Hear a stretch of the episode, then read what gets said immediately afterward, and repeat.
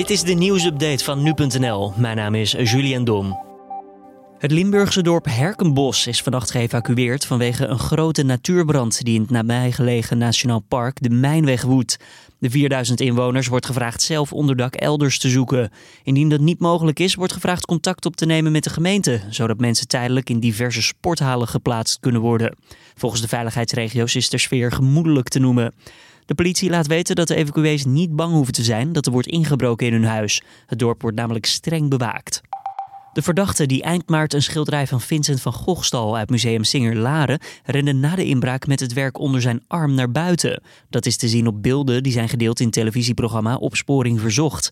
Het werk is nog altijd spoorloos, hoewel er meerdere tips zijn binnengekomen bij de politie. De inbreker gebruikte een moker om het kogelwerende glas te breken waarachter de kunst te vinden was. Het is nog onduidelijk of de dader hulp heeft gehad van iemand anders. Als je benieuwd bent naar de beelden, deze zijn te zien op nu.nl en in de app.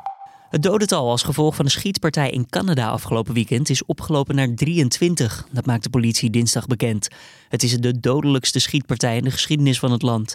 De politie kan niet uitsluiten dat het dodental nog verder zal stijgen. De schutter, die gekleed was in een politieuniform en zijn auto op een politiewagen liet lijken, maakte op meerdere plekken in de provincie Nova Scotia slachtoffers. De klopjacht eindigde na ruim 12 uur met de dood van de schutter zelf. Of de dader om het leven kwam door politiekogels of dat hij zichzelf van het leven beroofde, wordt nog onderzocht.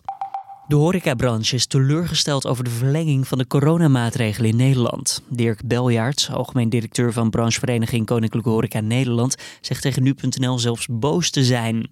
Horecaondernemingen blijven nog zeker drie maanden gesloten, tenminste tot 20 mei. De boosheid van Beljaards richt zich op het gebrek aan duidelijkheid en dan vooral over extra financiële maatregelen. Om de schade op te vangen wil Beljaards dat er aan de NOW-regeling wordt gesleuteld, omdat de lonen volgens hem nu nog niet op het beloofde niveau van 90% worden uitgekeerd. En dit was dan weer de nieuwsupdate.